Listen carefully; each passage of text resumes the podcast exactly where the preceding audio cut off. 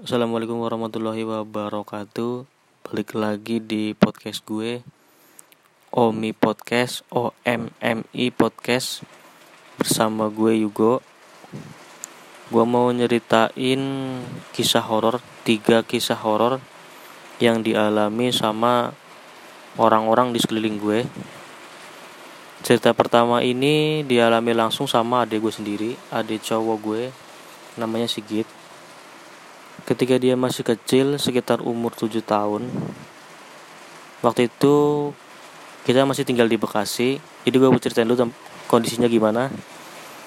Mau maghrib terus dia mau ngebalikin sendal ke rumah temennya namanya Rizky. Nggak jauh dari rumah sebenarnya cuman jarak eh, 10 meter kayaknya dari rumah deh. Dia udah balikin sendalnya pas dia mau lewat mau balik lagi ke rumah karena view di sebelahnya itu adalah belakang rumah jadi dia ngelihat ada bayangan lewat sekelebatan lewat tapi dia nggak takut main posisinya. Dia cuman berpikiran oh itu mungkin gue. Akhirnya dia pulang. Pas dia udah pulang ternyata dia kaget men. Dia bilang lah kok di rumah mas? Ya di rumah lah kan maghrib. Baru selesai mandi juga. Habis itu dia diem. Terus baru beberapa hari kemudian dia baru cerita men.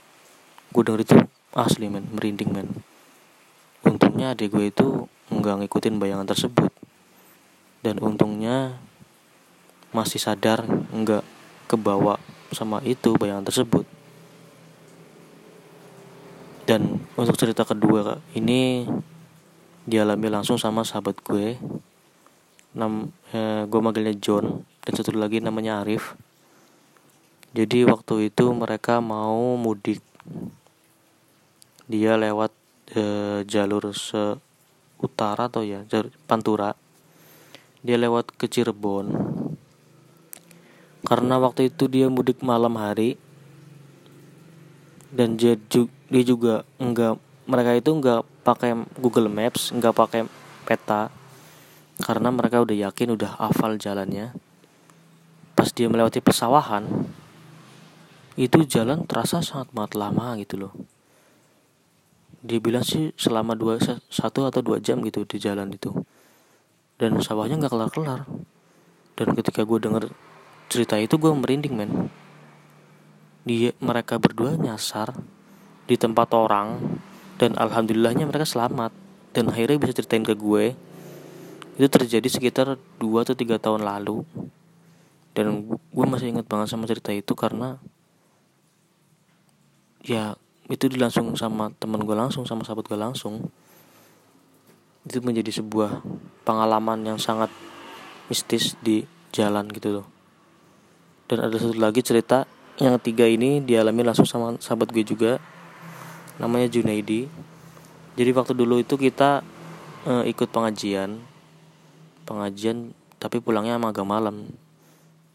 Jadi sekitar jam setengah dua gitu atau jam dua gitu kita baru pulang. Karena waktu itu pas banget malam minggu jadi kita sekalian sampai malam.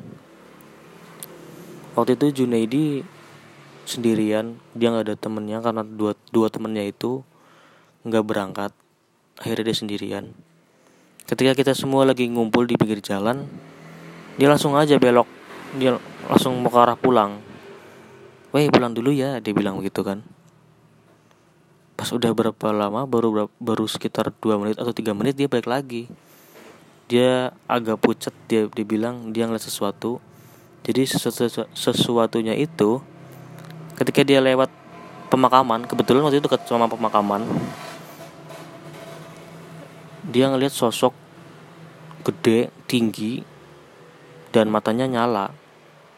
Dan langsung kaget dong apa itu apalagi itu cerita malam-malam dan merinding satu kelompok di satu kita lagi ngumpul itu dan langsung dia enggak jadi pulang. Akhirnya dia pulang pagi-pagi setelah subuh.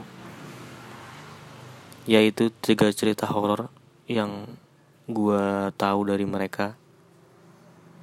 Ada beberapa yang cerita dari semua cerita ini gue merinding men ketika mereka menceritakan itu ke gue karena gue nggak kebayang apa yang mereka alami itu di luar daripada lingkungan mereka.